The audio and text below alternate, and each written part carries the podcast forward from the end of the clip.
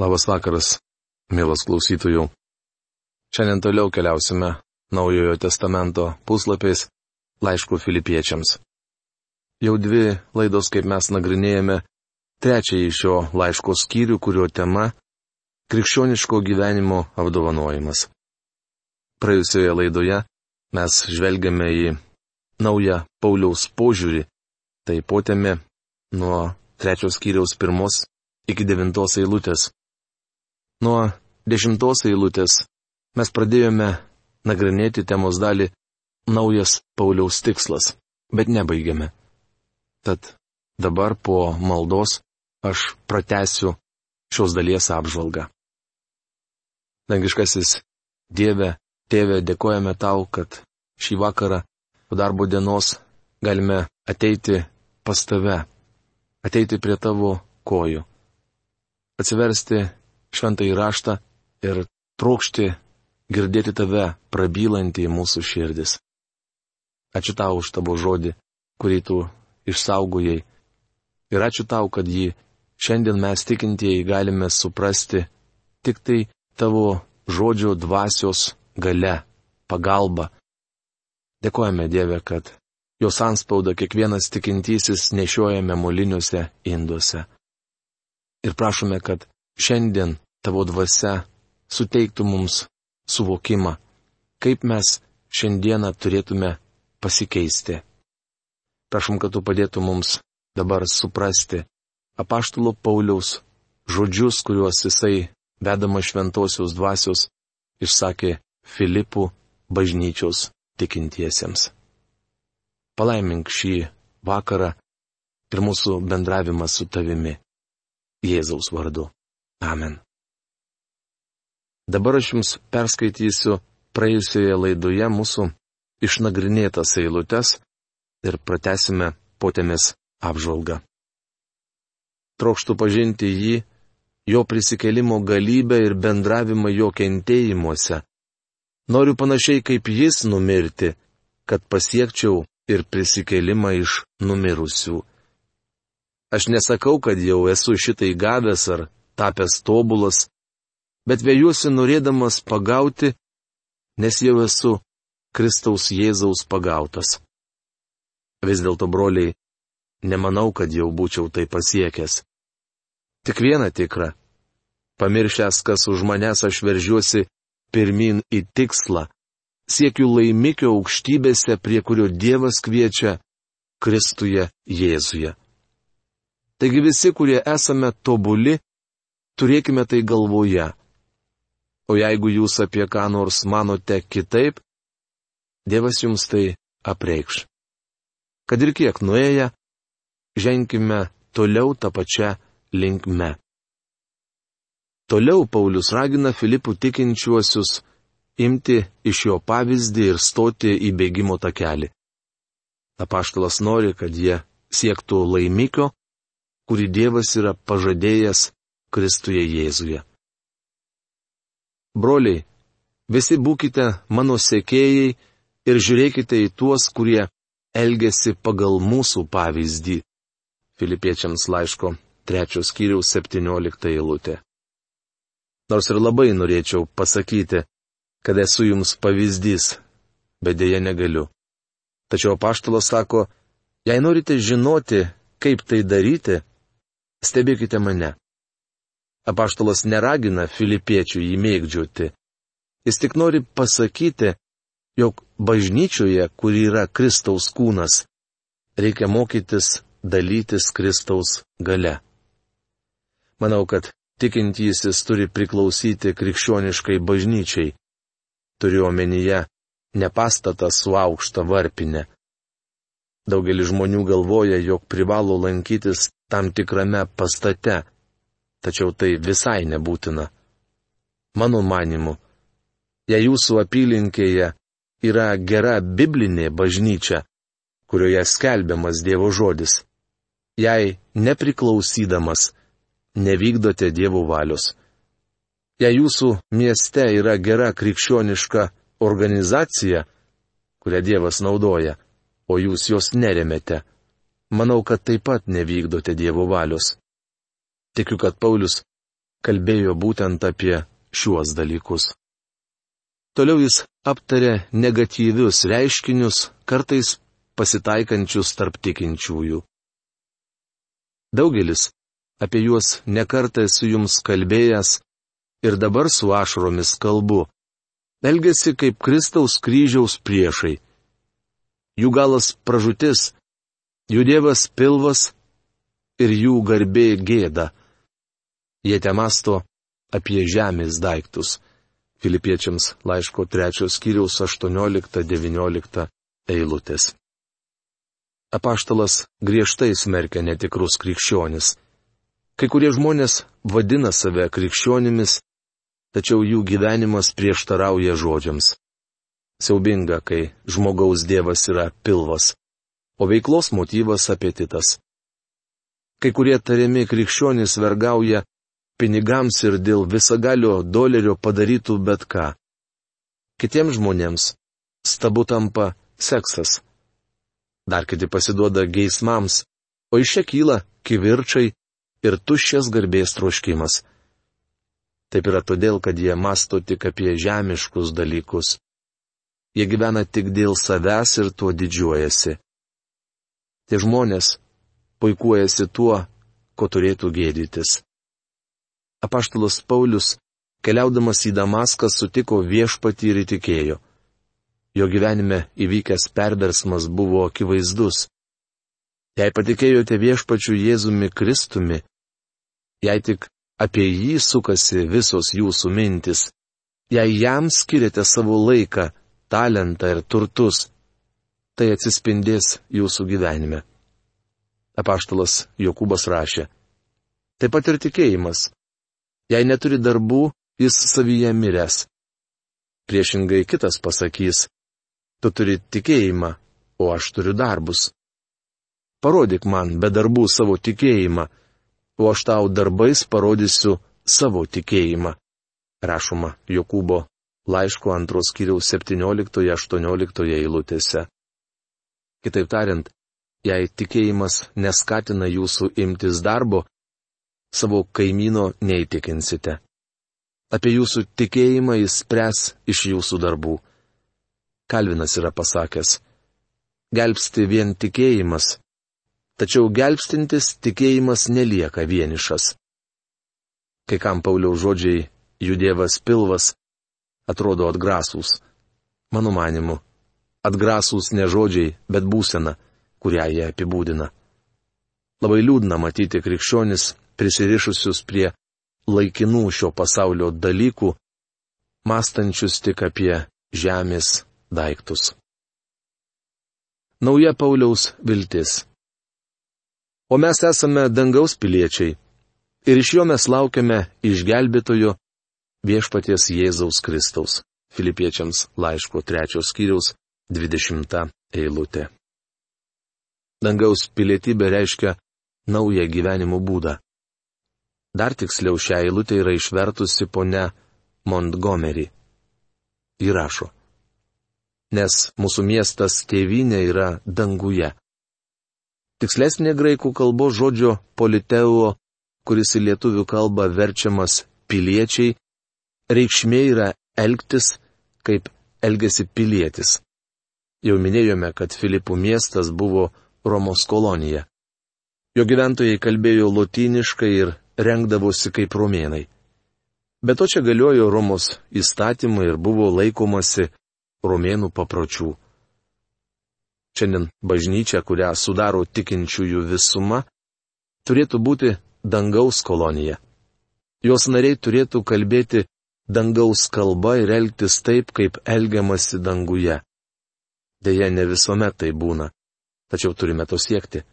Paulius sako, kad šioje žemėje mes esame Kristaus ambasadoriai, turėtume atstovauti dangų ir skelbti dangišką žinę, nes esame dangaus piliečiai.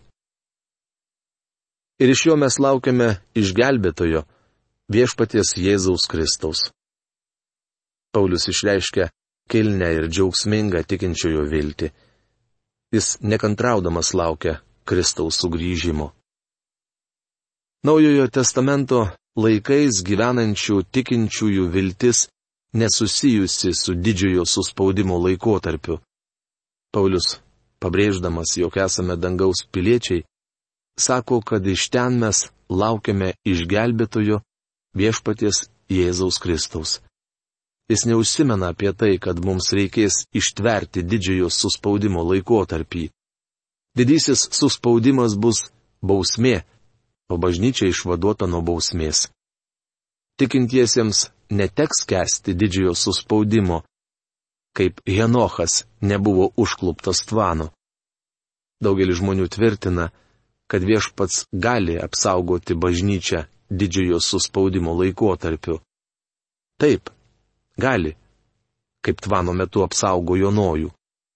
Tačiau nepamirškite, kad Henochą jis pasiemė iš šio pasaulio. Didžiojo suspaudimo metu bus dvi Dievo žmonių grupės. Viena tikinčiųjų grupė, kuri laikėsi viešpaties palėpimo ištverti, bus paimta iš pasaulio. Apie tai rašoma apreiškimo knygos trečios skyriaus dešimtoje eilutėje. Kadangi tu laikėsi mano paliepimo ištverti, tai ir aš tave apsaugosiu nuo išbandymo valandos, kuri ištiks visą pasaulį, kad būtų išmėginti žemės gyventojai. Kita žmonių grupė turės išgyventi didžiojo suspaudimo laikotarpį. Žemėje didžiojo suspaudimo metu liks daug pagonių ir 144 tūkstančiai izraelitų. Jie visi turės būti paženklinti Dievu.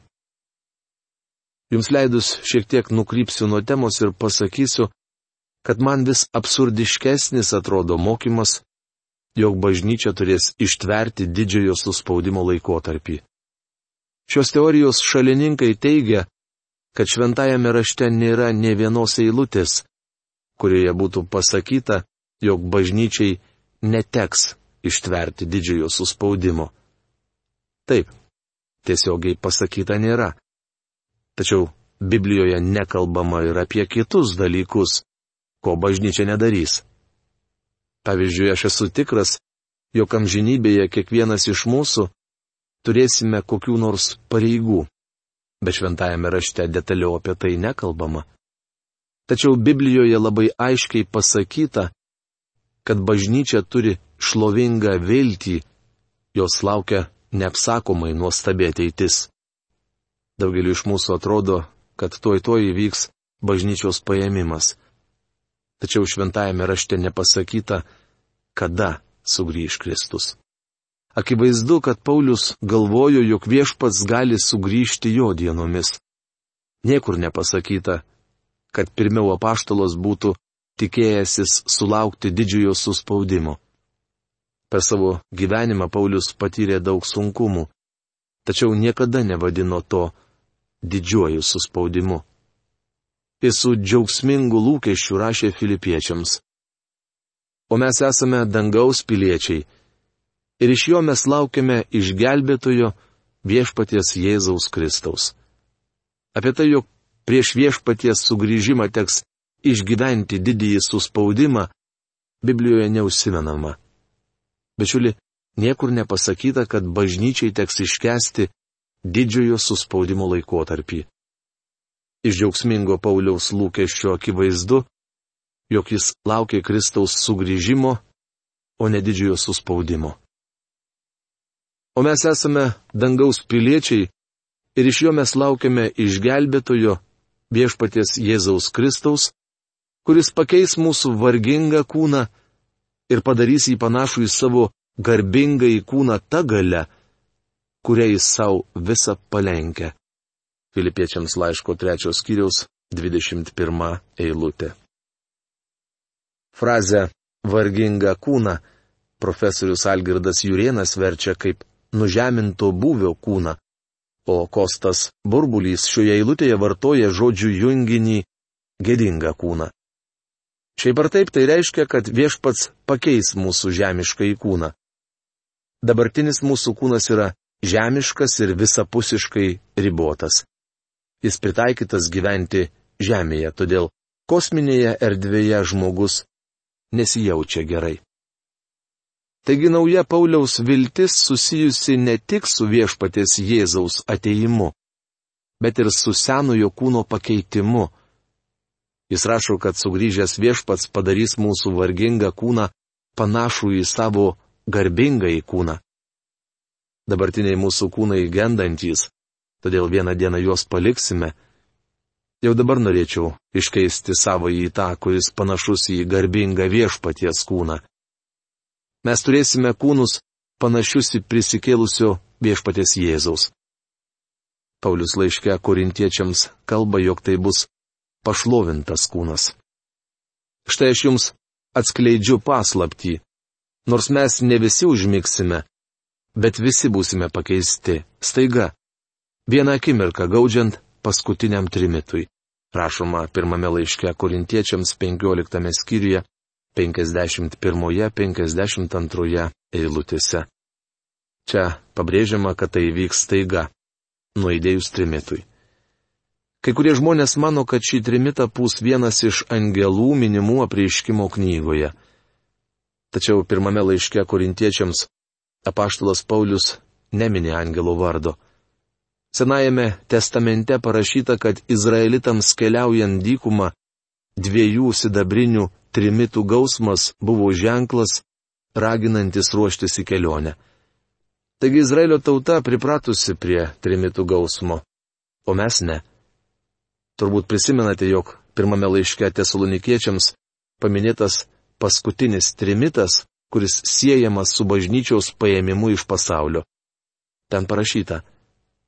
Nes pats viešpas su įsakymo šauksmu, su arkangelo šauksmu ir Dievo trimitu nužengs iš dangaus.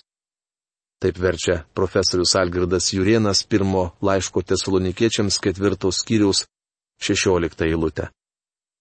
Atkreipkite dėmesį į posakį Dievo trimitu. Kas pasakė, kad šį trimitą pūs angelas Gabrielius? Aš iš viso abejoju, ar Gabrielius turi trimitą. Tai viešpats nužengs iš dangaus su arkangelo šauksmu ir Dievo trimitu tiek vieną, tiek kitą apibūdina jo šauksmo didybę ir galybę. Jo balsas bus skvarbus ir keliantis šiurpą. Paklausykite, kaip apaštalas Jonas apreiškimo knygos pirmos skyriaus dešimtoje eilutėje aprašo pašlovinto Kristaus balsą. Aš turėjau dvasios pagavą viešpaties dieną ir išgirdau savo už nugaros galingą balsą tarsi trimitą. Atsigręžęs pažiūrėti, kas su juo kalba, Jonas išvydo pašlovintą Kristų. Taigi, trimitų nereikėtų sėti su bažnyčia. Šiandien Kristus mums kalba, štai aš stoviu prie durų ir beldžiuosi. Jei kas išgirs mano balsą ir atvers duris, aš pas jį užeisiu ir vakarieniausiu su juo, o jis su manimi. Tai prašoma prieškimo knygos trečios skyriaus dvidešimtoje eilutėje. Jis paskutinį kartą kviečia vakarienės. Tai kvietimas ateiti pas jį, kol jūsų dar neužklupo didžiojo suspaudimo naktis. Atsivėrus durims pro jas įžengs grupė žemės gyventojų, kurie tikėjimo atėjo prie pakilimo tako. Tiems žmonėms neteks iškesti didžiojo suspaudimo laikotarpio. Dar kartą norėčiau pabrėžti, jog teorija, kad per visą suspaudimo laikotarpį bažnyčia liks žemėje, yra labai nepatvari ir neįtikinama, nors ją palaiko daugelis išsilavinusių žmonių. Deja, tie žmonės daugiau laiko praleidžia nagrinėdami filosofinės, psichologinės ir istorinės problemas, negu studijuodami Dievo žodį. Apaštalas Paulius su viltimi laukė viešpaties, kuris pakeis mūsų vargingą kūną ir padarys jį panašų į savo garbingą į kūną. Lygiai tą pačią mintį išsakė apaštalas Jonas. Mylimieji, mes dabar esame Dievo vaikai, bet dar nepasirodė, kas būsime. Mes žinome, kad kai Jis pasirodys, būsime panašus į jį, nes matysime jį tokį, koks Jis yra, rašoma pirmame Jono laiške trečiame skyriuje antroje eilutėje. Kristus dar nepasirodė, bet kai pasirodys, mes būsime panašus į jį. Atkreipkite dėmesį, su kokia viltimi, su kokiu nekantrumu ir užsidegimu šie vyrai laukia Kristaus sugrįžimo. nei Jono, nei Pauliaus žodžiuose nesigirdi nemenkiausios užuominos, kad jie būtų tikėjęsi pirmiau iškesti didįjį suspaudimą. Ir apaštalas Paulius ir Jonas turėjo viltį. O ko iš ateities tikitės jūs? Gal laukite didžiojo suspaudimo? Bičiuli, jei tai jūsų viltis esate tokioje pat beviltiškoje padėtyje kaip ir tie, kurie neturi jokios vilties. Neseniai sklydome lėktuvu į Havajų salas. Kadangi pietinėje pusėje siautėjo audra, pilotas užuot laikęsis tiesios krypties, pasuko į šiaurę ir ją aplenkė. Dėl šios priežasties Havajų salas pasiekėme pusvalandžių vėliau, negu buvo planuota. Tačiau aš džiaugiuosi, kad pilotas aplenkė audrą. Anksčiau nekartą esu girdėjęs pranešimą, skrendame į audrą, todėl artimiausią pusvalandį lėktuvas bus kratomas. Manęs tai nedžiugindavo, nes tai toli gražu nepalaiminta viltis. Tačiau gera girdėti pilotą pranešant, kad lėktuvas išsuka iš kelio, kad aplenktų audrą. Viešpat sako bažnyčiai. Mes aplenksime didįjį suspaudimą. Bičiuli, galite išsisukinėti, bandydamas pateisinti savo teoriją. Tačiau laiške filipiečiams apaštalas Paulius rašo, o mes esame dangaus piliečiai, ir iš jo mes laukiame išgelbėtojo viešpaties Jėzaus Kristaus. Tokia buvo Pauliaus viltis. To paties viliuosi ir aš, ir tikiu daugelis tikinčiųjų. O kaip jūs, mielas klausytojau? Ar jūs turite viltį, kuri paremta jūsų tikėjimu, kuris yra pasitikėjimas Dievu, pavedimas savęs jo mintims ir jo keliams. Tik tai kiekvienas asmeniškai per bendravimą su juo galite gauti atsakymą į šitą klausimą. Su juo noriu ir palikti jūs šį vakarą. Iki greito pasimatymo. суде.